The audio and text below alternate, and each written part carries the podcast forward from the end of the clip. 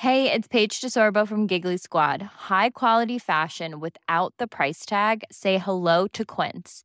I'm snagging high-end essentials like cozy cashmere sweaters, sleek leather jackets, fine jewelry, and so much more. With Quince being 50 to 80% less than similar brands.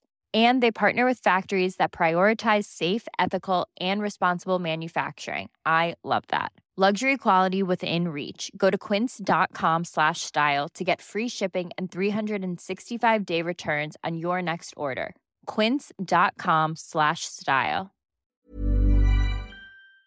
Velkommen tilbage til endnu et afsnit Børnebagagen. Det her det er jo anden episode med Cecilie Hoder og Thomas Honoré. Så hvis du ikke har hørt den første, vil vi anbefale, at du lige går øh, et afsnit tilbage og lytter til det først. Ja, og nu skal vi tilbage ud til Thomas og Cecilie, og vi skal hele verden rundt med dem. Og der vil vi da også godt lige nævne vores samarbejdspartner, Teleselskabet 3, der jo har det her Three Like Home, hvor du kan bruge din telefon i udlandet i rigtig, rigtig, rigtig mange lande til danske priser. Du kan frit streame og tale og sms'e og se din yndlings Netflix-serie eller whatever til vejrudsigt, uden du kommer hjem til en ekstra regning. Præcis. Og nu er det jo efterårsferie lige om lidt, så øh, hvis du skal til udlandet, tjek lige, om du har udenlandstelefoni inkluderet. Og hvis ikke, så tjek lige tre ud. Det var bare ja. det. Nå, vi skal tilbage til Lykby. God fornøjelse. Velkommen til bagagen. hvor vi, Pelle, Og Karoline Venegård rejser ud i verden med vores datter og kone. og deler det hele med jer. Velkommen ombord. Nå, Thomas og Cecilie, vi er klar til anden omgang. Lad os se, om der bliver tre. Vi nåede lige ud af barndommen, lidt ind i ungdommen, og øh, fik lidt smag på jeres første rejser på egen hånd. Hvor Thomas, det var noget med, at du tog meget ned til jeres hus i Frankrig, så var der noget druk, roters og sådan noget, og så havde du en kæreste på det tidspunkt, hvor I så var på rygsækrejse, hvor resten af verden også lidt åbnede sig op for dig igen, for den havde du fået introduceret som barn. Du kan stadig ikke din julesange, fordi du har, du har simpelthen holdt jul alle mulige obskure steder hen i verden. Og Cecilie, du er også opdraget med, hvis I ikke bare smed hinanden ind på bagsædet af bilen, og dine hvad, fire af søskende tagboks på taget ud i verden. Også op i sommerhuset i Skagen, og du har lidt ældre søskende, så de begyndte også at tage dig med, så du har også fået rigtig mange rejseinputs. Og så blev du sendt til England som 13-årig for at gå på sprogskole. USA, da du hvad, hvad, var 15, 15, ja, ja. på high school. Og så tog du selv som, hvad, var det 18 eller 19 år, flyttede du til Karibien? Ja, jeg flyttede til Karibien. Ja, jeg var, øh, jeg var 19. Ja. Jeg var lige blevet færdig med 3G. Så tog jeg derover Ja. ja. og søgte ind på universitetet. Det var det. Og det sidste, du nåede at sige i første afsnit, var, ej, jeg nåede slet ikke at sige noget om Karibien. så, så det synes jeg lige, vi, øh, vi skal lige høre øh, det der Karibiens eventyr. Og så vil jeg gerne derhen til, hvor I møder hinanden og tager jeres rejseeventyr derfra. Fordi øh, det hedder også børn i bagagen, og dem ved jeg, I kom til for skade at lave på et tidspunkt. Men øh, lad os nu øh, nå til den glæde senere. Ja. Ja. Men Karibien, hvad hulen var det? Karibien var jo fantastisk, fordi den var så livsdefinerende for mig. Fordi jeg var jo, jeg var jo stadigvæk et barn. Jeg var 19 år gammel og tog afsted. Og jeg efterlod jo alt derhjemme. Og jeg skal bare huske, at dengang, der var det jo det der med, når man skulle på nettet, så skulle man ned på en internetcafé, og så sådan bip, bip, bip, bip? Så der var jo bare ikke rigtig Man noget kunne høre kontakt modemet ringe op. Fuldstændig. så, så der var ikke noget kontakt. Når man tog afsted, tog man afsted, og jeg tog om på den anden side af verden. Og det var fantastisk. Det var dejligt at være så langt væk, men det var også dejligt at være så langt væk og være den alder, jeg var. Fordi når vi er herhjemme, bliver vi jo påvirket af vores venner og vores familie og vores samfund og alt muligt andet. Men det var jeg slet ikke på samme måde der. Selvfølgelig var jeg der sammen med min daværende kæreste, og vi påvirkede selvfølgelig hinanden. Vi var jo både kærester og bedste venner. Mm. Men jeg fik jo venner fra hele verden. Og jeg var en del af en helt anden kultur. Og den her kultur kom virkelig ind under huden på mig, fordi jeg både gik i skole, men jeg arbejdede på en psykologiklinik. Jeg læste psykologi og læste på sådan en frivillig psykologiklinik for lavindkomstfamilier, hvor man sad og analyserede børn, og det var rigtig hårdt, for det var børn, der havde været uden for vold og incest og meget, meget andet. Så øh, man får en, en helt anden kendskab til sig selv, og hvad man egentlig vil i livet, og der bliver også en anden, tror jeg, fordi nu har jeg jo ikke prøvet andet, så det kan jeg ikke sige, men tolerance, fordi alt var ekstremt rummeligt. Her handlede det om, om vi kunne lide hinanden, som mennesker, og derfor så lavede vi en relation. Mm. Det var ikke, om vi havde en historik, eller om vi kendte hinanden for arbejdet, eller et eller andet andet. Og jeg tror egentlig, det var ret livsdefinerende for mig at bruge de år så langt væk i, en helt anden kultur, og en helt anden måde at leve på. Altså, for fanden, siesta, det er da noget af det bedste, der nogensinde er opfundet. Ikke? Og så er Karibien jo vidunderlig, og har så meget dansk historie også. Altså, jeg øh, fangede mig selv i at, at stå på St. Thomas i øh, full on øh, dansk nationaldragt på Fanø, og prøve at lave reklamefremstød for, øh, du ved, træstjernede pølser, og øh, power malt øl for Danmark, og marmelade, ikke? Altså, hvor man sådan... Var det for at tjene nogle penge, eller hvad var Ja, det var, det var for at, simpelthen ja. at, at, at, kunne gøre det for det danske konsulat, og det var jo sjovt, at man var dansker, og jeg var med i alle mulige mærkelige tv-programmer, og okay. dit og datten. Og så er der jo det, at Puerto Rico er en del af Karibien, så har du alle de gamle dansk-vestindiske øer, St. John og St. Croix og St. Thomas, og dem rejste vi jo selvfølgelig op til, og den historie er jo øh, for vild. Altså ja. blandt andet, at vi ikke er særlig populære, fordi mange jo stadigvæk føler, at vi har lidt ladt dem i stikken. Okay. Og de har sådan en dag, som de gåseøjne fejrer, der hedder Transfer Day, hvor de gik fra Danmark til amerikansk. Og der, der skal man ikke være dansker der, fordi der er stadigvæk noget... Vi skylder? Ja, det kunne I ikke være bekendt, okay. at de gjorde det. Og hele den historie er jo ikke noget, vi nødvendigvis ved så meget om, men som er virkelig, virkelig spændende. Og så er det, udover det jo så smukt. Altså, de øer er fantastiske, og det at rejse rundt og kunne sejle rundt og så videre, det, det var bare et kæmpe eventyr. Og du ved, man pakkede en, en hængekøje og så en rygsæk, og så bare rundt og se. Det er meget sjovt, du siger det der med, at man, altså, du skulle ud og møde verden, men jo også møde dig selv, fordi du var så ung. Og det tror jeg er en af de ting, som der er ved at rejse, hvor man jo herhjemme er du bare inde i, du kender kulturen, og der er jo alle mulige koder, man har med sig, og man har en eller anden status, kommer et eller andet sted fra og sådan noget. Ikke? Og så bliver jeg ud af det. I virkeligheden står man jo meget mere nøgen, uden hele sin kulturelle påklædning eller alt muligt andet. Du skal i hvert fald forholde dig til noget andet. Ikke? Og du skal gøre dig umage. Ja. Altså virkelig gøre dig umage. Du får ikke skid for jer. Nej, og du spiller på udebane. Og det er rigtig sundt. Men jeg tror også, det er derfor, at man tit har fornemmelsen af, når man har været ude at rejse. Og jeg har rejst rigtig meget alene, faktisk, før uh, Thomas og jeg mødte hinanden. Og har kunne lide det, fordi det har jo været der, hvor jeg har skubbet mig selv ekstremt meget mentalt og fysisk, fordi der er ikke noget, der kommer af sig selv. Så hvis du vil have nogle at dele oplevelserne med, så må du selv være opsøgende. Hvis du vil have oplevelserne, må du også selv være opsøgende. Så man tager menneskeligt nogle ekstreme tierspring, nogle kvantespring. Og når man så kommer hjem og føler sig virkelig som et helt nyt menneske, fordi man jo har skubbet sig selv ud over sin egen comfort zone meget ofte. Og hvad er der så sket herhjemme? Fordi jeg er jo et helt andet og nyt menneske, og jeg har alt det her med i bagagen. Og så er det... Same shit. Ja, fuldstændig.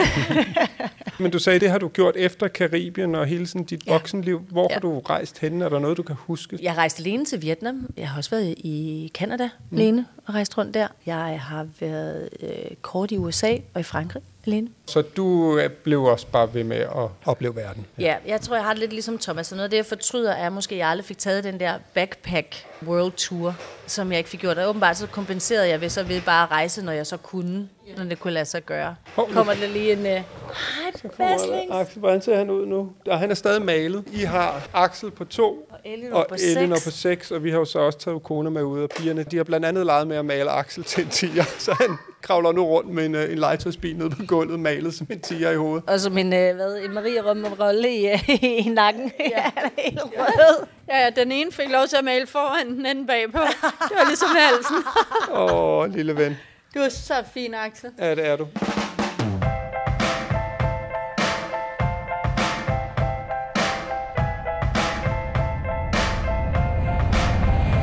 Lytter til Børn i bagagen.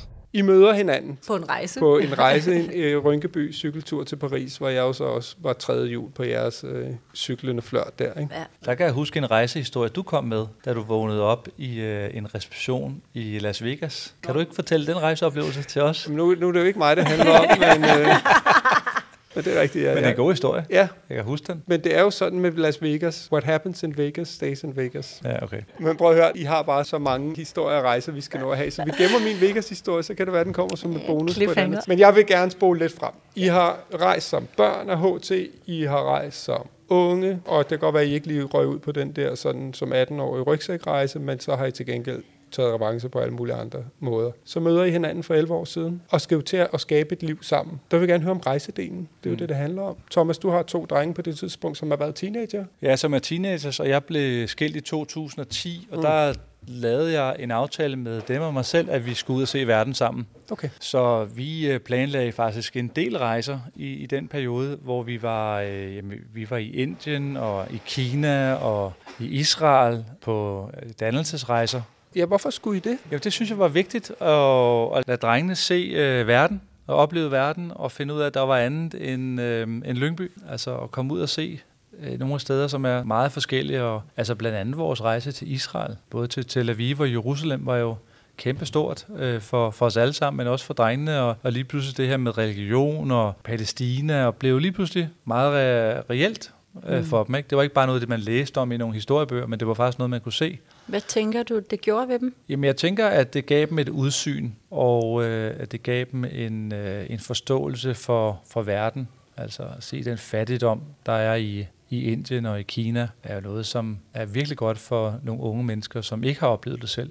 Ja. Så det har i hvert fald helt klart givet dem det med. Og så tilbage til, øh, da jeg så begynder at, øh, at rejse med Cecilia, fordi det er jo, man skal forestille sig, at jeg har været rundt med drengene. Vi har været os tre. Vi havde en regel om, at alle kunne have en holdning til tingene, men det var far, der bestemte.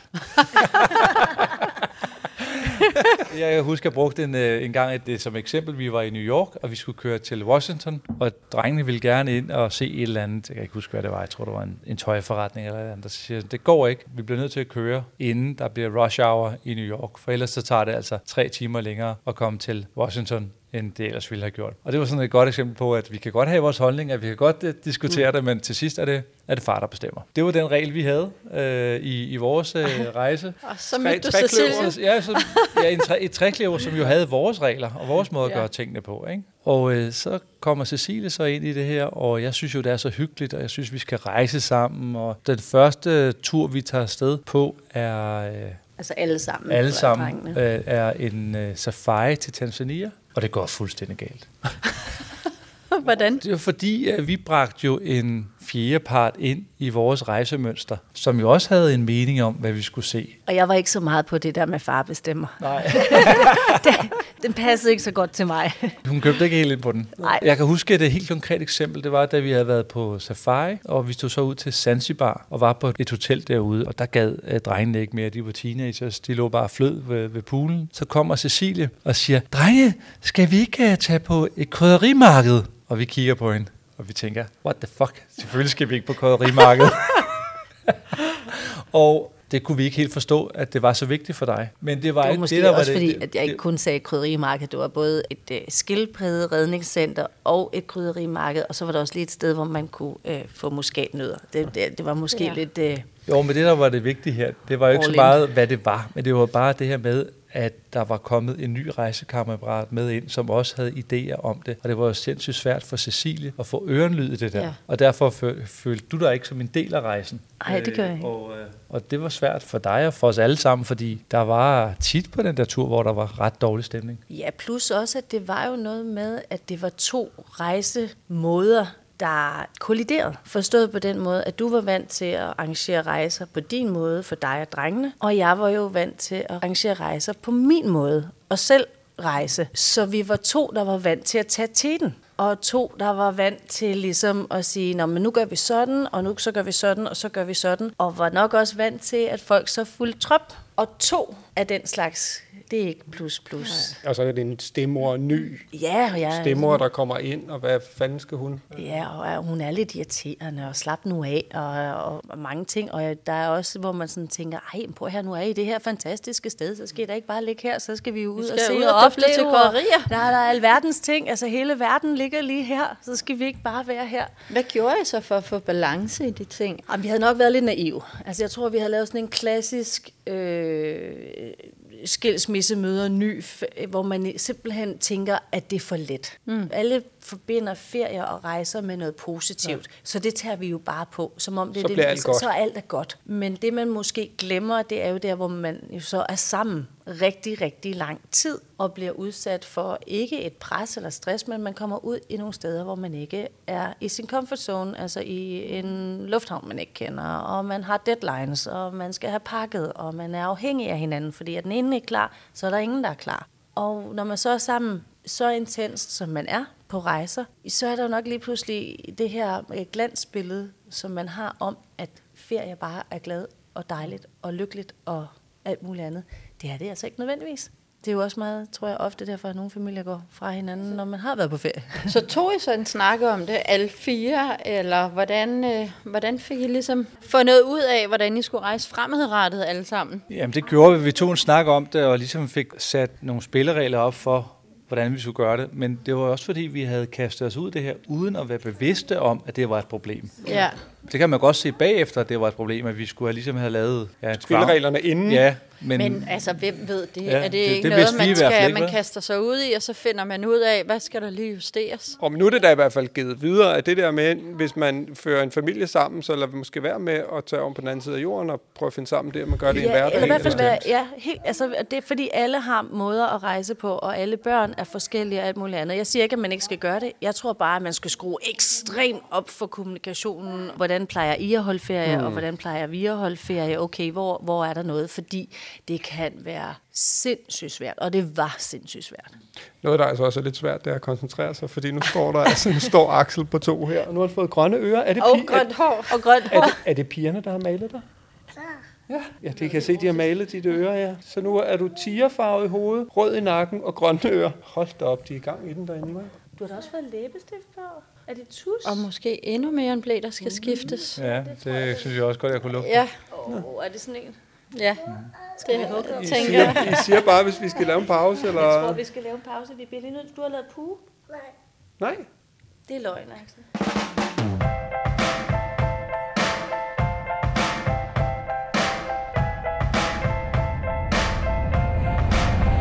Du lytter til. Børn i bagagen. Før at der gik blæskift og ansigtsmaling i det hele, så hørte vi lige om jeres første, måske lidt mindre succesfulde tur til Tanzania Ja. med, med dine store drenge, som var teenager på det tidspunkt. Ja. Jeg vil sige, at intentionerne var gode, men mm. vi, vi ramte ind i en helt klassisk, tror jeg, skilsmisse, nyt øh, parforhold mm. med børn. Komplikationer. Så et godt råd, det er at tage måske på en mindre rejse, en weekend eller noget. Start med det at finde ud af, hvor ligger vi i forhold til hinandens ambition. Ja, det vil jeg helt klart sige. Små rejser, og så tale sammen. Ja. Alle, ikke? altså, svisken på disken, det er svært, så man kan lige så godt bare tale om det. Og nu havde jeg jo ikke engang børn. Så hvis der så her også er dobbeltsæt børn med, så kan det blive... øhm, Så det er bare noget, man skal virkelig gå... øh, Jeg vil sige, tag det stille og roligt. Masser af tid. Ja. Små rejser, masser af snak. Ja. Efter øh, Safari for helvede der, hvad, øh, hvordan har I så rejst sammen siden der? Vi fortsætter faktisk med at rejse sådan, fordi det også er princip er jo, at vi er en familie, og så må vi jo... Løse det. Ja, præcis. Tingene skal jo løses. Altså, vi tog for eksempel en, øh, en tur til Vietnam efterfølgende som, øh, som familie, og det gik meget bedre end den første rejse. Der var dine drenge også med. Ja, der var de også med. Det gik markant bedre. Hvad var det, der var forskellen? Hvad gjorde I anderledes? Jamen, der tror jeg bare, at vi havde, øh, vi havde fundet ud af, at selvom vi var på ferie, behøvede vi ikke at gøre alting sammen. Og hver især kunne få et frirum til at gøre ting, der var vigtige for den enkelte. Så der var nogle ting, hvor jeg tog ud sammen med drengene alene, og Cecilie lavede noget andet. Og det var et problem på den første rejse, men ikke på den næste rejse. Der havde I fået det afstemt og Ja. kalibreret lidt mere. Ja, fået det kalibreret. Det var også ret stort af Cecilie at, at ligesom sige, "Men prøv at høre, det, nu rejser vi som familie, og det er fint, at du laver noget med drengene, og så laver jeg noget. At jeg tænker også, en nyforelskelse kan jo også være svær i den sammenhæng, fordi der kunne hun måske også ligesom have brug for at have dig. Mm. Øhm, så det er jo ret sådan stort, at Cecilie ligesom bare siger, "Men vi er en familie, det er sådan der. Ja, bestemt. Jo, der kommer hun igen. Ja. Mens du lige var inde og være mor, ja. Der hørte vi lige, at I var i Vietnam, og det gik meget bedre. Ja. Og I kunne finde ud af at dele jer op. Og som Karo sagde, det var egentlig meget large af dig også, og ligesom sige, selvfølgelig skal I også have rum til det. Ja, altså, men, men det er jo måske også, fordi man har rejst, eller jeg i hvert fald har rejst alene og har rejst så med veninder, og der kommer det her jo med, at prøv at, nu har jeg vist lige fået overload af dig, nu skal jeg lige ud og gøre mm. mine ting, eller hvad det nu må være. Og så tror jeg egentlig, at jeg fik en forståelse af, at det var den bedste måde, at alle egentlig var glade på. Øh, fordi jeg jo egentlig også selv havde det sådan en gang imellem, og hvis jeg havde det sådan, så var, havde drengene det jo nok også. Så I rejser videre med dine drenge, når du havde dem, tænker jeg. Men rejste I også alene sammen? Og vi begyndte faktisk at rejse sammen lige med det samme. Jeg tror, at vi var begyndt at kæreste, og så gik der vel 14 dage, så var vi på første tur sammen. Jeg inviterede dig på sådan en scoretur. uh, og det var i jul faktisk, apropos. Det var over jul i Dubai. Jeg har aldrig været i Dubai før. Nej. Jeg var lidt skeptisk. Ja, du var meget skeptisk. Hvad går en scoretur ud på? Uh. Altså, ja, det ved jeg godt, men nej, jeg, jeg vil høre, hvordan det... Seriøst, Pelle? To børn senere, Pille. Jamen, Lige det måneder rammer det, senere. rammer det hvordan, hvordan I så har fyldt dem ud, det, øh, det kan jeg Jeg, ikke øh, forestille mig. jeg havde arrangeret en skiferie øh, sammen med mine sønner fra den 5. og 26. Mm. december. Og øh, der var så øh, juleferie der, og så synes jeg, at Cecilie og jeg, at vi skulle lave et eller andet hyggeligt. Så derfor inviterede jeg hende på en, en tur til, til Dubai. Så det var sådan en lidt improviseret kærestetur. Kan det ikke passe, at det kom efter der, hvor jeg havde været ude at rejse med min far? Jo, det kom efter, du havde været på det der krydstogt med din far. Jeg havde inviteret min far på krydstogt øh, alene, øh, fordi jeg gerne ville med min far. Jeg kunne godt se, hvor det var på vej hen af. Han øh, var sådan mere eller mindre på vej ind i, ja, nu kan jeg ikke rigtig gå så meget mere, og bliver mere og mere sådan hen mod demens og så videre. Og jeg har rejst meget med min far også. Vi har været i Sydafrika sammen og haft sådan en far-datter-tur, hvor vi fint. kørte sammen i. Øh, og så tænkte jeg, "Jamen, det vil jeg gerne give noget retur. Så jeg havde så sparet op, og så sagde jeg, far, nu vil jeg gerne give dig en, en, en tur til, øh, på, på et krydstogt, bare os to, hvor vi så skal afsted. Og øh, jeg kommer! Er det jo kun? Var det jo kun, Ja, der ja, det jeg. Det er fordi, jeg skal hjælpe dem med prinsessekjolerne, tror jeg. Nej, og så, øh, så havde jeg tænkt, at så skulle vi til Karibien og sejle rundt og far og datter skide hyggeligt og drikke sådan nogle drinks og sådan noget. To sekunder! Jeg Vi, kommer. vi skal lige høre om en, øh, et lille krydstogt, og så kommer hun. Min far valgte så, at øh, vi skulle rundt i Norden. Nå. Ja, Nå. så vi skulle til Færøerne og Shetlandsøerne og Norge. Mm. Øh, Ja, og det lyder altså også fedt, var. Og det var skide fedt. Det er ikke så varmt, men nej, smukt, nej. tænker jeg. Altså, det er ikke lige det, man normalt øh, propper i kategorien krydstogt, men, men det var simpelthen så fedt, og det var fedt at være øh, på sådan en far-datter-tur. Det var også der, hvor jeg fandt ud af, at det her med demensen bankede på, fordi han lige pludselig løb rundt på gangen og kunne ikke finde sit værelse okay. og så videre. Men det, der så skete, var jo var så dejligt, at vi savnede hinanden enormt meget, for Thomas var jo ikke med, og vi Ja. ja. havde lige mødt hinanden, og så, øh, det var så der, du fandt ud af, at det var tid til at, at lave en scoretur. Ja, det var der, hvor vi var ved at blive øh, sat i fængsel. Hvorfor? Ja, Ja, det var fordi ja. øh, vi havde booket bord på det her øh, Åh, nej, jeg går lige ned til en, en restaurant, øh, der ligger på, den hedder 122, den ligger på 122. sal på det der Khalifa, Burj Khalifa, ja. Burj Khalifa. Og vi havde så været ude og øh, gå rundt i øh, det, der, der ligger sådan et stort øh, indkøbscenter lige ved siden af, og, og, og så kunne vi ikke finde, øh, hvordan man kom ind i det der store hotel. Man skulle ligesom gå rundt om det. Og så, øh, så tænkte Cecilie, jeg går op her. Så gik vi op ad en, en lang trappe op, og, og op fra enden af den trappe var der et hegn. Og øh, så siger Cecilie, ved du hvad, vi gider ikke, vi gider ikke gå videre nu. Så øh, hjælp mig lige op øh, her og med at hoppe over hegnet. Det er der sgu ikke nogen, der ser. Altså, det der kalifa, ikke, det er jo verdens mest overvågede hus. Herovre. Så vi hoppede over der, og vi grinede, vi havde det sjovt, og måske havde vi også fået en lille en, og vi var virkelig godt humør. Og så lige pludselig stod der syv sortklædte øh, sikker, sikker, sikkerhedsvagter omkring os. Og vi lod jo som om, vi ikke havde gjort noget, indtil at uh, Cecilie hun lige tog sådan et, uh, en kvist op af mine bukser. så fordi der var røget noget af hegnet med, ikke? Og de var altså ikke særlig glade for, at vi havde hoppet over det hegn, og vi kunne også godt se, at det ikke var super smart. Og vi kom faktisk aldrig ind på den der restaurant, fordi øh, jeg havde et par et par gule sneaks på. Så da vi kom over og skulle op med elevatoren, så blev vi stoppet, fordi man skulle have enten brune eller sorte sko på. Så vi har lidt på fornemmelsen, at de bliver rigtig irriteret på os, og så skulle vi bare ikke ind på det der, det der Ja. restaurant. Men vi kom ikke ind på restauranten, og vi kom heller ikke i fængsel, men vi blev skilt meget ud af de der. Okay, ikke nogen bøde? Eller Nej, heller ikke nogen bøde, Nej. men vi blev skilt meget ud af de her Voksen sikkerhedsvagter. Ja.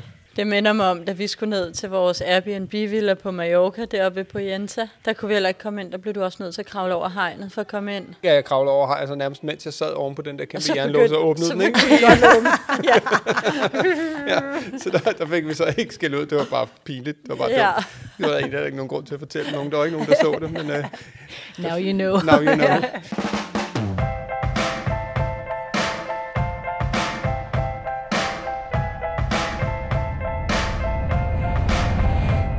til. Børn i bagagen. Så rejser har jo bare været en del af jeres liv sammen fra første færd. Jamen, jeg Ja. tror, det har været...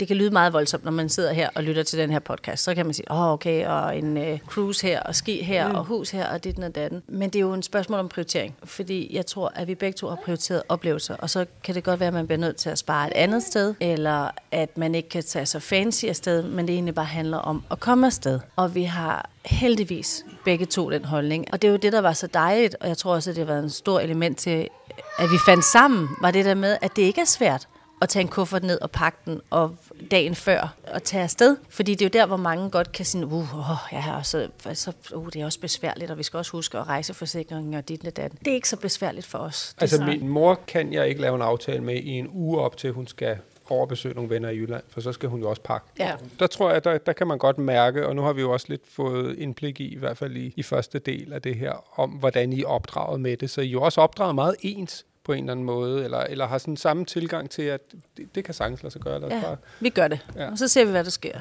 Men det er sjovt også det med prioritering, fordi ja, vi har ved Gud også rejst meget, men det har også været et spørgsmål om prioritering. Jeg har altid haft det sådan, at altså, da jeg ikke havde rigtig nogen penge og var ung, så var det så det, jeg brugte mine penge på øh, og sparede sammen til, så var det rejse. Jeg ville simpelthen ud og rejse. Og da jeg så begyndte at tjene lidt penge, så tænkte jeg, okay, nu kan jeg simpelthen købe en fireværelses lejlighed.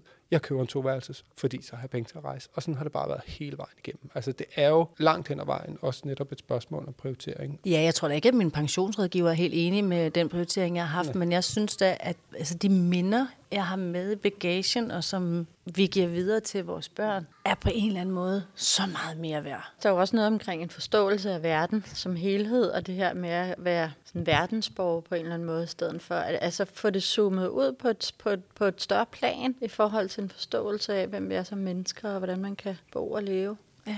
Eller det synes jeg i hvert fald fylder meget. Enig? Det er det hele værd. Ja, Altså, det er det. Vi har også brugt rup og stop nu her, ikke? og der er fandme ikke meget i banken, men der er satme alligevel meget banken. Det er bare en anden bank, ikke? og ja. det, er, det er godt nok noget, man tager med sig. Ikke? Ja. Og man skal bare huske netop, hvad man er, har med sig i den der lille etværelse, som vi alle sammen ender i på et eller andet ja. ja. tidspunkt. Ikke? Der er man nok lidt ligeglad med, hvordan den etværelse den er foret. Præcis. Og nu, nu skal vi høre lidt mere om, om nogle af de ture, Ja. som I har så har fodret, fodret dem, fodret, som I har fodret jer selv med, og dermed fodret jeres etværelses. I rejser sammen, jeg ved ikke, om det så var i Dubai eller på en af de mange andre rejser, så laver I et eller andet, der gør, at du bliver gravid. Ja. Og så får I øh, først Elinor. Ændrer det noget ved den måde, I rejser på? Ej, undskyld, jeg griner. ja, det ændrer jo alt. Men det, det ikke ændrer, det er, at vi rejser. Hvorfor grin? Du må have tænkt på et eller andet specielt, siden du begyndte Nej, at men det er jo fordi, når du får børn, så ændrer hele dit liv der. Ja. Eller et liv, så det kommer vi jo ikke uden om. Altså at dine prioriteter, måden at rejse på, måden vi spiser på, måden vi tænker på og lever på. Der er før og der er efter, Ja. og sådan er det bare med børn. Så selvfølgelig, selvom vi har haft børn med på rejsen, så var det jo selvhjælpende børn, fordi Thomas' børn var så store. Og lige pludselig så er der, øh, altså jeg fandt jo først ud af, at jeg var gravid med Elinor. Jeg var næsten tre måneder henne. Og så tror jeg, altså Elinor har, altså hun har to pas, øh, fordi vi, skulle, vi var ikke engang blevet enige om hendes navn endnu. Så hun har et, hvor hun er unavngivet. Og så øh, har hun et andet pas, men vi vidste, at vi skulle afsted. Jamen så pakkede vi hende og tog til øh, USA. Og der var hun vel, var hun tre måneder? Ja, passer meget godt. Hvor var I henne der? Ja, der var vi i Florida, hvor du var på arbejde, og så, øh, så tog jeg med, og så rejste vi lidt rundt bagefter. Ja, Elinor havde i hvert fald set en del kontinenter, inden hun kom i, i vuggestue, fordi vi egentlig bare beholdt den her tilgang til... Hvad så? Jeg er lidt spændt på, hvordan han ser ud, når Ja, han går det er jeg også. Jeg sidder også ikke? Jamen, jeg tror faktisk, de er gået mere i gang med hinanden og sig selv nu. Oj, Hvad har du oj, der? op igen, ja, der var en ballon. Men, men hvordan var det så at rejse med en tre måneders baby i forhold til, hvordan du har rejst før? Ej, men helt anderledes. For det første, så er man jo sådan en, øh, en mindre landsby, der kommer, og specielt som førstegangsmor. Altså, det er jo, altså, man har jo alt med. ja. Klapvogn og puslebord og blæer, og Ja, og så ganger man op, fordi hvad nu hvis der sker Ja. et eller andet? jeg kan da også huske, tror jeg, jeg sagde sådan, at jeg tror altså godt, man kan købe blæer, eller hvad fanden var det? Et eller andet i udlandet, ikke? Ja. Men det, nu var det bare lige Libero, der passede perfekt. Og så giver det jo mening Ja. at, at, at slæbe blære Altså, der halvdelen løber af verden rundt, ja, ikke? Jo, ja, og skumservietter kan man jo heller ikke få i udlandet, vel? Og slet ikke for eksempel i USA, jo, for der har de ingen Nej, der har de jo slet ikke noget på hylderne. Nej. Og det var en ting, og så er der det næste aspekt, som er at komme ind i et fly med en baby. Det er klassikeren, ikke? Fordi alle kigger bare og kigger væk. Og allerede der, der begynder jeg at småsvede. Jeg tror, alle forældre gør. Det er en sjov øh, oplevelse. Det var på en tur øh, til Thailand, og Elno har været, været øh, var et halvt år. Ja. Og så, øhm, så kom vi ind i flyveren, og vi kom der med Elnor, og så kom der sådan et par, sådan et kærestepar, der var på love trip. De var på skoleweekend, Pelle. Ja. Og øh, de så så, at vi sad der med Eleanor, og de sagde så til sådan stewardessen, om de ikke kunne få lov til at sidde et andet sted. Altså sådan helt åbenlyst. Ja, ja. Ja. Op og vildt. Og øh, de kom så til at sidde over den anden side, den anden side af flyet, og Eleanor, hun uh, tog så lige de der, jeg tror hun sov, hun sov i otte timer. Ja. De hørte overhovedet ikke Ej. et, øh, et kvæk. Så jeg kan bare se mig selv gå ud af det der flyver, og kigge på det der par, så den slå med nakken og sige, der kan I selv se, at vi har styr på det. Ej, hvor er det sjovt. ja. Men det, er sådan, det der, sådan, det, det tror jeg alle forældre har, de har det der frygt for, at ungerne ikke opfører sig ordentligt, eller Ja. ja. har ondt i ørerne, eller, Ja. eller græder, eller og, og generer andre, ikke? Jo. Så man er også bare super stolt af ungerne, når de så bare har klaret sig rigtig godt, ikke? Jo, og det er jo i virkeligheden, jeg selv lige skal være stolt af, ikke? Fordi det er jo jer, der har været gode som forældre, og har... Men man kan jo ikke, altså hvis et barn får ondt i ørerne, det kan de jo få, så er der bare ikke en skid at gøre Nej, ved det kan man ikke gøre Og så noget må ved, man bare æde den, ikke? Jo. Gode råd til sådan en flytur med små børn. Har I nogen? I har jo trods alt været på et par stykker. Ja, og jeg vil sige sådan, at, at det selvfølgelig kommer meget an på, hvilken alder de er. Øh, og i bund og grund, så er der lige så mange gode råd, som der er dårlige råd, fordi alle børn er forskellige. Mm. Så det er rigtig, rigtig svært at give råd, fordi det råd, der fungerer for øh, Emil, fungerer ikke for Mathilde. Og sådan er det bare. Men jeg vil sige, som baby, det der med at have et dynebetræk på, som der er derhjemme, som dufter hjemme, er mega, mega godt. Det giver bare noget ro. Vi rejste altid med et aktivitetstæppe, som var derhjemme, og så med dynebetrækket. Fordi det var det, de lå på og legede på og alt muligt andet. Det, at man lige var hvor som helst i verden, man havde det. Der er noget fungerer. tryghed i det, Ja. i den lugt. Og det der med noget legetøj, de, de kendte, så ja. var de jo egentlig ret ligeglade med alt muligt andet. Det var helt klart som spæd. Ja. Noget af det, vi, vi altid gjorde. Så prøver vi at time det i forhold til sådan noget med søvn, specielt med de ældre, eller nu hvor de er ældre. Og vi har stadigvæk ikke knækket koden på den der. Nej, tværtimod, da vi tog på vores lange tur til øh, Fransk Polynesien, der, der skal vi jo flyve øh, 11 timer til Vancouver fra Paris, så derfra til Papeete, som er hovedbyen i øh, Fransk Polynesien på Tahiti. Og øh, vi var taget til Paris, og så havde vi siddet i, sådan en, øh, i, i lufthavnen i 5-6 timer, eller sådan noget. 4 timer, tror jeg, ikke? Men må jeg lige indskyde, der, der havde vi faktisk talt rigtig meget om, hvad skulle vi gøre? Ja. Mm. Skulle, vi, altså, skulle vi tage den her lange rejse og bryde den op i to? Vil det være bedst for børnene? Eller skulle vi bare tage et langt stræk igennem? Vil det være bedst for børnene? Fordi når man tager sådan en rejse, så er det på børnenes præmisser. Det er klart. Og vi havde simpelthen ikke kunne finde ud af, om vi skulle gøre det ene, eller skulle gøre det andet, fordi hvis vi holder en pause, så er der jo alligevel jetlag. Så er det, er det, udskyder man bare pinen, eller er det godt, at de lige får et break? Forestil jer os, som så øhm, sidder der i Paris Lufthavn, flyet border, det vil være sengetid, på vej ud i flyveren, der falder Axel i søvn. Og vi tænker, nu tager han sin nattur. Og øh, vi kommer op i flyveren, vi sidder stille og roligt der, og han, han ligger på mit bryst og sover. Og så letter flyveren, jeg tror lige de sidste hjul har lige forladt, så bliver han sådan lidt urolig, så vender han sig om, og så kaster han bare kaster op ud over mig. I kaskader. I kaskader, det er sådan Ikke bare sådan lidt, men bare sådan noget. Så er turen i gang. Så vi havde de der 11 timer til Vancouver, og jeg var smurt ind i bræk. Og jeg, jeg havde da taget skiftetøj med til Axel. Men, jeg Men havde ikke til altså- Thomas.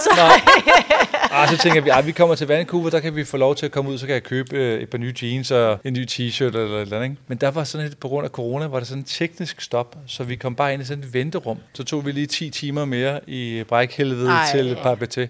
Da vi så kommer til Papeete og til Tahiti, der viser det sig derude, der vasker man kun tøj i koldt vand. Det tager ikke bræklugten, og jeg har kun et par jeans med og en hoodie.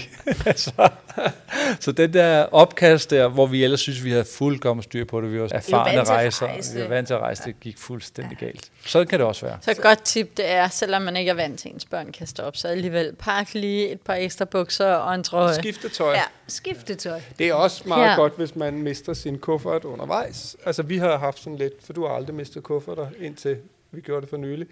Øhm, men jeg har gjort en del gange, har altid sådan lige en t-shirt og noget ekstra i håndbagagen, og du er sådan lidt, hvorfor det ikke? Men øh, Ja. ja. derfor. Men det er, fordi jeg ikke gider slet. Jeg kan godt lide at rejse mig så lidt som Ja, men så må du lugte dig bræk. Og det var så det, jeg gjorde. Ja. Ja. Nå, men prøv at høre, nu har vi taget hul på den, og jeg synes egentlig bare, at vi skal tage den her jordomrejse. Ja. Fordi nu kan vi jo forstå, det er åbenbart, at os, der lidt fik startet det med at sige, skal vi ikke mødes i New Zealand og holde jul eller et eller andet fedt derude? Og så kørte de os simpelthen to i den bare indenom. Hvad var det, I planlagde, og hvor lang tid var I væk, og hvad var det for noget? Kæmpe rejse, ikke? Det tog om sig. Fordi vi startede jo med at tale, altså os fire her talte jo om en måned. Og så var vi sådan, "Nå, men hvis vi alligevel skal sted så lang tid over på den anden side af jorden, skulle vi så ikke tage to måneder? Eller tre? Og når vi nu er i gang, så kunne vi jo også lige ja. godt tage fire. Ja. Ja. Og så gøre det. Men så blev vi jo ramt af corona. Og det, altså, hele New Zealand var jo lukket ned, Australien mm. var jo lukket ned, så vi kunne jo ikke tage afsted dertil. Men der var vi blevet hugt. Og så sad vi faktisk og talte meget om, okay, skulle vi tage længere nordpå? Altså i stedet for, skulle vi øh, tage til Borneo, orangutang og hele det der område. Men det var jo så også begyndt at lukke ned med, med corona. Og okay, skulle man så tage længere sydpå? Det var Salomonøerne og alt det her, vi begyndte at snakke om der. Og det øh, gik heller ikke. Jeg havde hele tiden sagt, at jeg rigtig gerne ville til fransk Polynesien. Mm. Fordi det var sådan en af de der ting, jeg gerne ville flueben i mit liv. Jeg kan ikke huske, hvordan det kom øh, til. Jeg tror, det var mig, der sagde, måske skulle vi bare vende turen om. I stedet for at slutte i fransk Polynesien, så starter vi i fransk Polynesien, og så mm. tager vi videre østover. Så tager vi til Sydamerika. Ja, fordi de var nemlig ikke helt så lukket ned under corona. Nej, overhovedet ikke. Det var jo helt åbne. Det her, det var mellem første og anden coronabølge, så vi vidste jo ikke, at anden coronabølge kom, men første coronabølge var lige sluttet, og Danmark var åben igen, Europa var åben igen, og visse lande var åbne, men visse lande var også lukket helt ned. Og vi vidste jo også, at vi ville have en ekstra rejsemarker, som hed corona, som hele tiden, lige så vel som børnene ville sætte dagsordenen, så ville corona også sætte dagsordenen. Ja. Det var vi helt, helt bevidste om, og det var faktisk også derfor, at vi træffede en beslutning, som vi aldrig nogensinde har gjort før. Og det var at bruge et rejsebureau. Okay. Vi har altid selv arrangeret, fordi vi bare ikke lige pludselig ville ende i en situation, hvor vi selv skulle finde ud af at komme hjem og stå med to børn og et eller andet, et eller andet, så valgte vi et, et rejsebureau. Vi kommer, måske kommer til at bruge et rejsebureau igen, vi kommer nok ikke til at bruge dem igen, men øh, det er jo også en erfaring. Vi behøver ikke nævne, hvem hun det var, men hvad, hvad var problemet? De har simpelthen ikke... Jo, halvdelen af rejsen gik godt, og den næste halvdel gik knap så godt, hvor der simpelthen ikke var forståelse for, at det var to børn, og hvilken rejse man skulle på. Vi valgte et rejsebureau, som var specialister i fransk Polynesien, og det var de sindssygt gode til. Og så, så sad vi ude i fransk Polynesien og skulle planlægge en tur til Sydamerika. Og så var det meget naturligt at spørge de samme. Ja, ja. Men det havde de ikke styr på. Så rådet må være, at man skal vælge rejsebureau, som er specialister i den destination, man tager hen. Man må ikke vælge en generalist. Okay. For så bliver det simpelthen for bøvlet. Altså vores uh, tur i Sydamerika, selvom den var super god og altså virkelig god tur, så uh, hvis bare vi havde lavet nogle små ting om, så havde det været meget bedre. For eksempel da vi var i, uh, i Ecuador og Galapagos, uh, der havde de sendt os til Galapagos over nytår, og uh, det er der, hvor hele Nordamerika er på Galapagos. Ah. Så hvis man havde vidst det som en, altså med, med stort lokalkendskab, så kunne man bare have sendt os til Galapagos to uger før eller to uger efter. Det havde ikke gjort nogen forskel for os. Men vi, så vi var på Galapagos, hvor alle amerikanerne var der også. Det vil sige, alt var booket, alt var sindssygt dyrt, ja. og det havde det ikke været to eller tre uger efter. Så nogle ja. små ting, som man virkelig skal vælge, hvis man skal vælge en rejsebureau, hvilket godt kan give god mening, når man ikke kender området, så skal man virkelig vælge nogen, der er specialister i den destination, og så hellere bryde den op, hvis man er på flere destinationer. Planning for your next trip? Elevate your travel style with Quince. Quince has all the jet-setting essentials you'll want for your next getaway, like European linen, premium luggage options, buttery soft Italian leather bags, and so much more.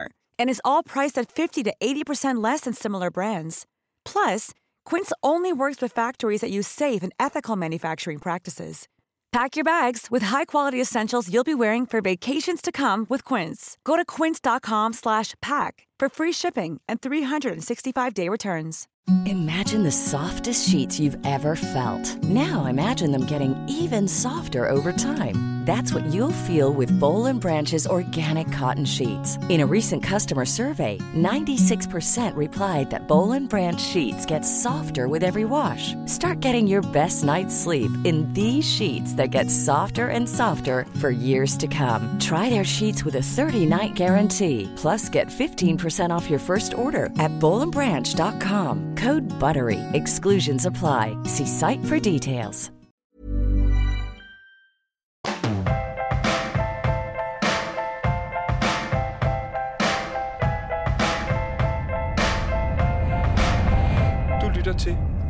Børn i bagagen. Det er fire måneder, I har taget fri mm. for at gøre det her. Starter i... Vi starter i fransk Polynesien, Ja. og så tager vi derfra til USA, og så tager vi til Sydamerika. Der tager vi til Peru til at starte med, Machu Picchu. Så tager vi til Ecuador og Galapagos, og så tager vi til Panama og Mexico, og så flyver vi hjem derfra. Vi rejser hele tiden længere østover og holder os så på den altså den sydlige side af halvkuglen, fordi det er hen over jul, så det er der, hvor der er varmt. Ja, mm. Vi havde lavet nogle dogmer for de her fire måneder. Vi vidste, at når vi tog nogle lange stræk, så havde vi altid to dage, som vi slappede af. Hvis det var korte stræk, så var det en dag. Men vi havde aldrig nogen planer lige bagefter, Nej. vi var landet til et nyt sted. Der skulle vi bare lande, og alt skulle være stille og roligt. Og det samme dagen før vi tog afsted, Ja. så der ikke var noget stress med, at man lige skulle, om vi skal lige ud og se det her, og så skal vi også pakke, og så skal vi ja. dit og datten. Det går ikke. Så der var sådan en, en helt klar konsensus om, at dagen før og dagen efter, der slappede vi bare helt af og tog det lidt som det kom. Og så prøvede vi at lave en regel med netop også, fordi det var små børn, at vi minimum var fire dage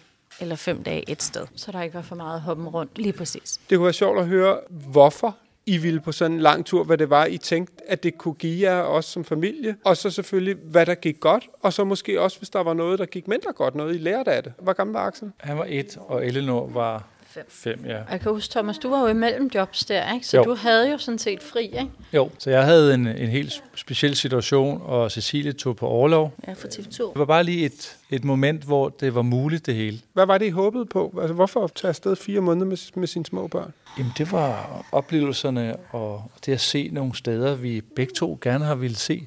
Men jeg har aldrig rigtig haft uh, lejlighed til. Altså, fransk Polynesien er langt væk. Du kan stort set ikke komme længere væk. Der er 12 timers tidsforskel, der ligger uh, mellem Australien og Sydamerika. Det er virkelig langt væk, ikke? Ja. Så der skal man gerne have lidt tid til at tage derhen. Man skal jo ikke tage derhen på en uges ferie, fordi så er du helt væk i, i jetlag. Man skal i hvert fald bruge tre uger, fire uger for, for at komme dertil. Og det var bare en, en drøm, vi havde om at, at komme derhen. Og det var nu, det var muligt, og så gjorde vi det. Og det var et fantastisk sted.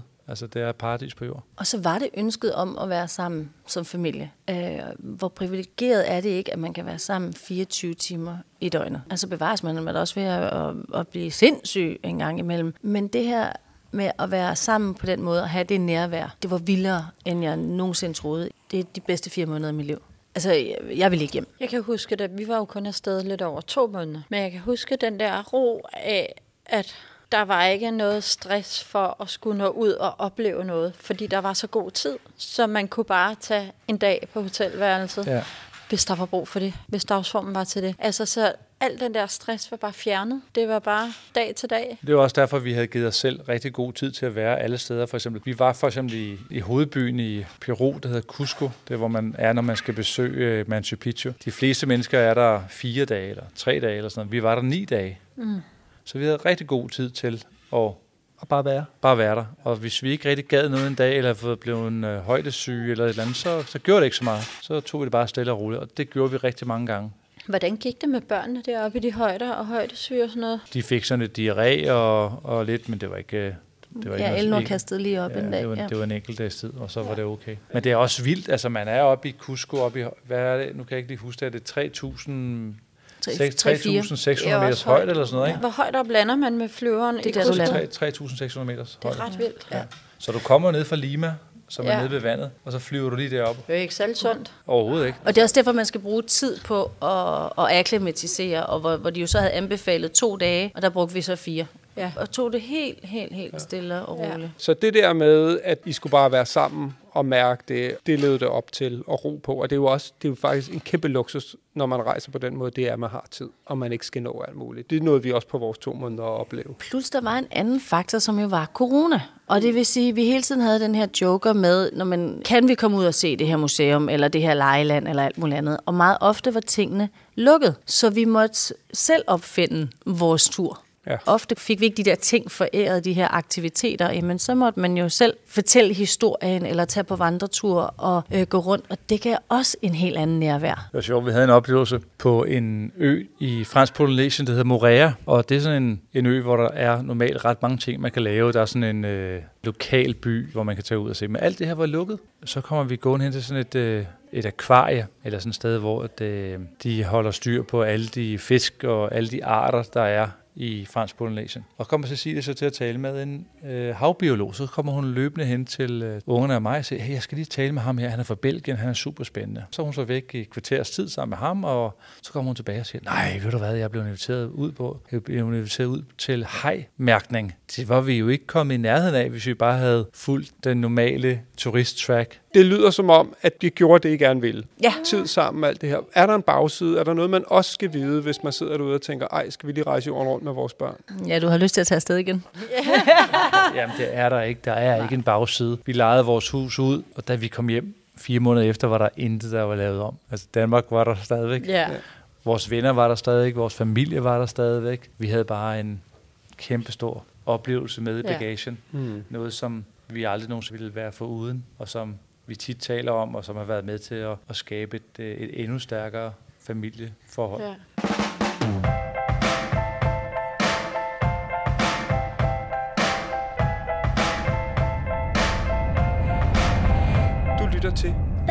Bagagen. Jeg synes, vi lige hurtigt skal runde jeres lille franske eventyr. I har simpelthen købt et dødsbo, ikke? Jo, vi øh, var på en helt normal sommerferie i Frankrig, og så sidder vi sammen med nogle venner, og så siger de til os, Cecilia og Thomas, hvorfor bor I egentlig i Danmark? Og så sidder vi og kigger lidt på hinanden og siger, hvorfor gør I egentlig det? Og så overtalte han os til at gå ud og kigge på nogle huse sammen med en ejendomsmælder, han kender. Og vi var egentlig bare, vi skulle ikke have noget hus, og vi skulle ikke, øh, det var bare.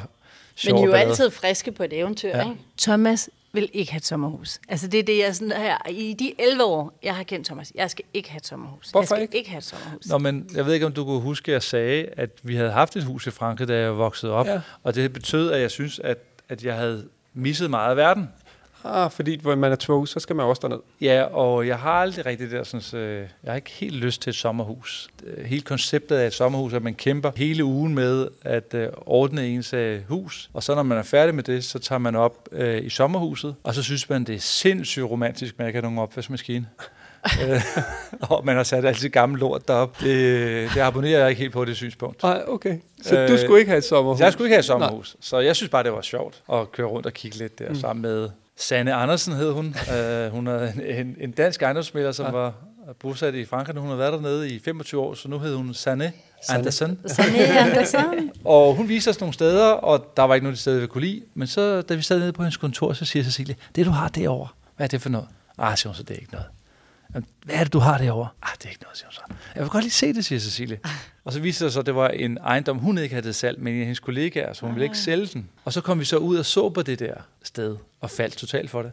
Vi faldt for charme, vi faldt for, hvor nedslidt det var, og hvor lyserødt det var. Og så kunne vi se, at vi kunne lave en god deal, fordi det havde ligget til salg i fire år, og det var bare blevet mere og mere nedslidt. Så når tyskeren, eller englænderen, eller russeren kommer ned og ser det der, så kunne de overhovedet ikke finde på at komme i nærheden af at købe sådan et hus. Haven havde bare sådan nærmest et det hele. Det var sådan en jungle, der bare sådan, rar, havde spist det, så der var bare... Så det, det, et bare, seriøst håndværkertilbud. Ja. Og vi, vi tager så hjem og tænker, at det forlader os det her, det, det er ikke noget, vi skal gøre. Men det forlod os ikke. Vi blev ved med at tale om det. Og så, øh, så gav vi et bud på det, og så sagde de sgu ja.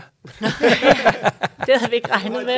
Og det tager ret lang tid at købe et hus i Frankrig, og det er ret svært at købe et hus i Frankrig. Der er ikke noget, der hedder nem idé i Frankrig. Okay. Så man går ikke bare lige ind og klikker, så vi skulle finde ud af, fordi vi var på rejse, da vi skulle købe huset. Vi var jo i Peru et eller andet Ja. sted, ikke? Så vi skulle jo have alle mulige advokater til at lave øh, fuldmagter og Fordi i Frankrig er det sådan, at man fysisk skal møde op og skal være der, og så skal der sidde en eller anden notar og læse op, og ditten og datten og bla bla bla. Men det kunne vi jo ikke. Nej, fordi vi var et andet sted. Så vi, øh, jeg, jeg tror, det var den 14. december eller sådan noget, Det var for 17. december, det var lige, vi lige var kommet ned fra Machu Picchu. der, ja, der fik vi ud af, at huset var vores. Sådan. Og så har I brugt meget tid dernede siden ja. på at sætte i stand og rydde op og rydde ud. Og... Ja, fordi det er jo, alt er meget anderledes. Ikke? Vi købte jo et dødsbo, så vi skulle faktisk rydde op i tøj og bøger og legetøj og alt muligt andet. Og det er en ret ambivalent følelse, fordi på den ene side, så er det på en måde, hvor du mærker husets sjæl og får en forståelse af husets historie, mm. hvilket jeg synes er rigtig dejligt. På den anden side føler man lidt, at man går ind over en intimsfære på andre folks ting, en privat ja. sfære, som, som man virkelig føler, man er næsten kriminel. Intruder. Ja. Da vi ryddede op på et af pigeværelserne, der fandt vi en hemmelig dagbog. Ej, I, et, øh, I en skuffe, som man ikke kunne... skuffe. En gemt skuffe. Ej, Sammen med en erotisk novelle. Nej, det ved jeg ikke. Om det var lidt... På hvor- coveret så lignede det meget en erotisk okay. novelle, vil jeg sige. Læste I det, eller? Ved du, vi pakkede det faktisk ned og sendte øh, okay, nogle af de I der vidste, ting. I vidste, hvem det kunne? Ja, døtrene, øh. Okay. som var der. Om de så har fået det, eller hvad, eller hvordan, og hvorledes, det aner vi faktisk ikke. Alle ham, der havde boet der, altså ham, der var død, mm. hans sko var røde. Der var rødt øh, lær på, fordi han spillede tennis. Og der var en masse små ting, som vi jo så lærte af, af det der sted. Og jeg ved også, noget af det første, I satte i stand, det var poolen. Ja, det var fordi, øh, igen, det er jo byråkratisk med, med Frankrig, og så gik det lang tid før, at vi kunne få en, en byggetilladelse. Og så tænkte vi, men så bor vi i det her. Altså, så gør vi det til vores, selvom det er øh, primitivt, og du ved, øh, lamper, der falder ned i tid og utid, og dit og datten. Øh, og så bruger vi sommer dernede, igen for at gå og mærke øh, huset og sjælen.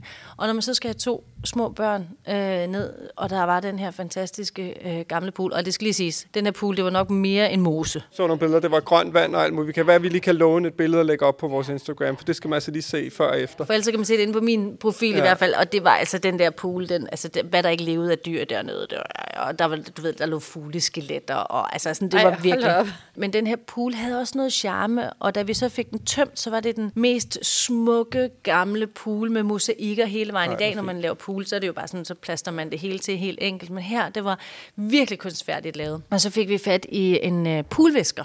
Visker? Som jeg, ja, eller vasker? Visker. Visker, visker okay. kalder jeg ham, fordi det yes. var sådan noget med, at han stod og æde de her mosaikker, og vi stod og snakkede meget, og hvad man kunne gøre, og så videre. Og så står vi så, og jeg prøver sådan virkelig, kan vi, kan vi redde hende her, den smukke dame, fordi hun, er, hun har virkelig sin charme. Og så kigger han sådan lidt skeptisk, og hvor, ja, hvor. Men uh, så gik han i gang. Man vil godt give det et forsøg. Og så, så overlevede hun poolen Paula har overlevet. Sådan. Tænker vi også, det var en af grundene til, det var det første, ja. at sige, ja. hvis der er en pool, så er børnene glade. Så glade, ja. Det var meget sådan, det var. Altså, grillen virkede, poolen virkede, vi fik sat nogle nye toiletter i, og så nye senge, og så kørte vi. Så kan man. Ja, så, og så kan man sagtens. Har I ligesom så øh, lavet nogle regler for, hvor meget I skal bruge det, eller ikke bruge det? Jeg tænker, kan I være bekymret for, om det kommer til at påvirke jeres rejser ud i resten af verden? Eller om I lige pludselig føler, at I hele tiden skal derned? Jamen, jeg håber, det kommer til at påvirke vores, vores rejsevaner, fordi det er jo det, det, hvor man er i livet, og de kapitler, man har i livet. Og jeg synes jo, at nu har vi to små børn, og det her med at kunne tage ned et sted, hvor vi ikke nødvendigvis behøver at skulle pakke en kuffert eller en rygsæk, men bare kan tage ned og så være og lege, at den periode, vi er i lige nu. Og så går der måske 10 år, og så er Eleanor teenager, og så er der ikke noget, hun tænker, altså, hænger hende længere ud af halsen, end at tage 14 dage med mor og far der. Mm. Og så er det et andet kapitel, vi så skal til at tage stilling til. Så for mig håber jeg faktisk, at det kommer til at ja. ændre vores, vores rejsemønster. Ja. Hvad med dig, Thomas? Fordi du vil jo ikke have et sommerhus. Nu har du det. Og du skal ordentligt købe og lave noget, hver gang du er der. Ja. Øhm, men nu har jeg det.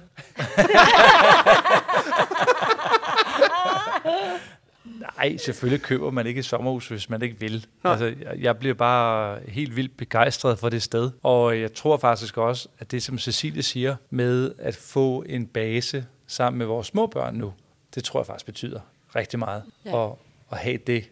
Og hvordan det så ser ud om ja, fem eller ti år, det må vi se til til den tid. Nu er det det, og det betyder ikke, at vi ikke kan tage andre steder hen. Men jeg har faktisk også meget lyst til at tage derned. Jeg har lyst til at lære det sted at kende og udforske det sted.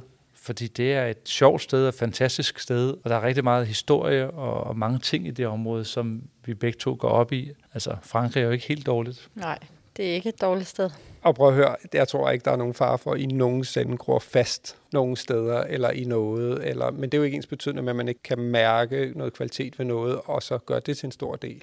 Øh, jeg tror ikke, I slipper, slipper resten. Det er i hvert fald min fornemmelse. Nej. Og jeg er så nysgerrig på alle de eventyr, der venter. I starten så fik jeg også nævnt, at jeg gerne ville have hørt om jeres tur rundt i autocamper i Danmark. Det var jo også, jeg havde sådan tre ting. Der var den store rejse, som vi nu faktisk er sprunget ret hurtigt henover, men, men sådan måtte det være. Og så var der sommerhuset, som vi, vi dog også lige nu omkring.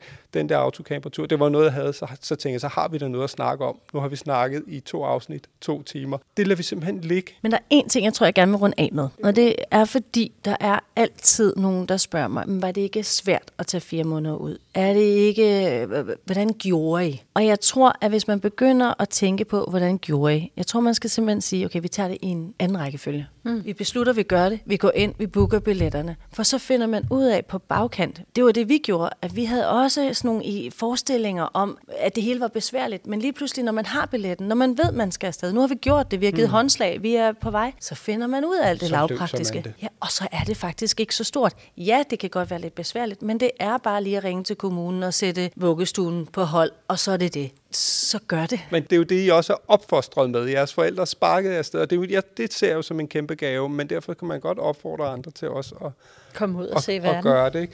Er der nogen rejser i bog? Eller er det ned til sommerhuset? Det er ned til sommerhuset. Øh, det er den næste. Vi er begyndt at flirte lidt med en, øh, en drøm om Argentina. Vi vil gerne med.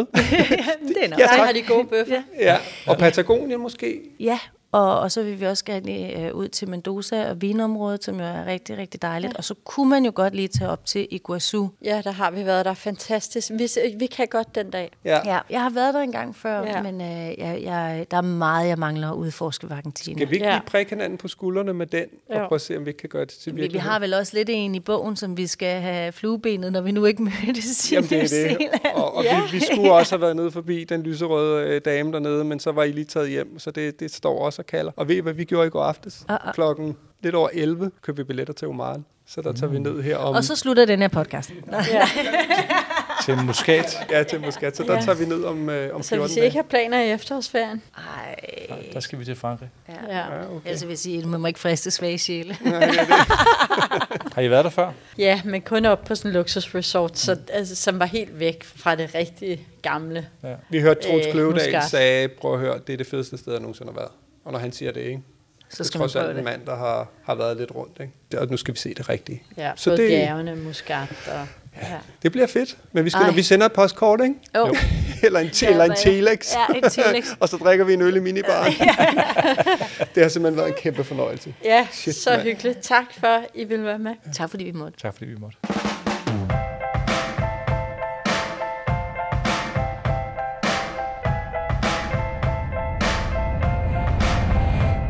Til.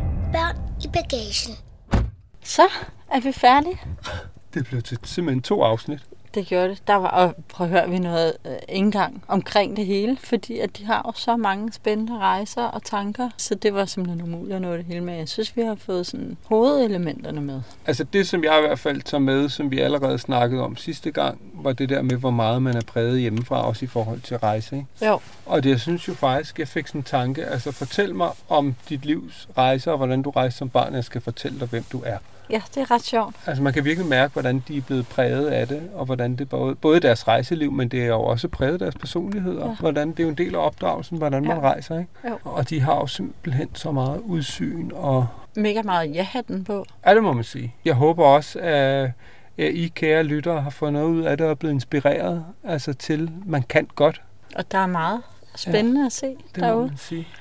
Så var det sjovt, da vi slukkede mikrofonerne, så kom vi til at tale om træ og tre mobiler. De synes jo også, det der Three Like Home er jo, er jo helt genialt. Og så fortæller vi om, at nu har vi fået 5G trådløs wifi derhjemme. Og så Thomas han var bare sådan, ej, sig det er løgn, mand. Vi skal have gravet hele vores have op og Ja. have lagt tråd, eller ikke. Det er jo så ikke, jeg skulle til at sige trådløs fibernet. Det er det jo lige præcis, ikke? Og han bare sagde, det skal vi jo også. Altså, hvorfor skulle vi dog det?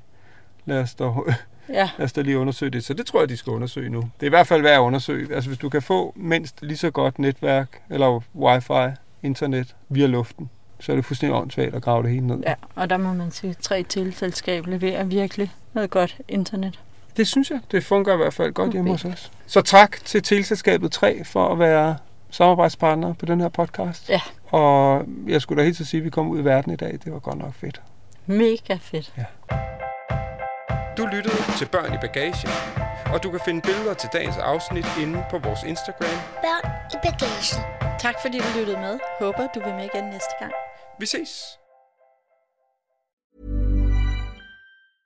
Even when we're on a budget, we still deserve nice things. Quince is a place to scoop up stunning high-end goods for 50 to 80% less than similar brands.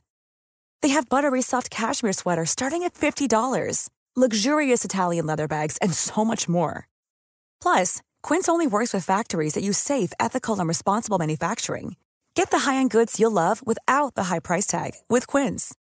Go to quince.com slash style for free shipping and 365-day returns.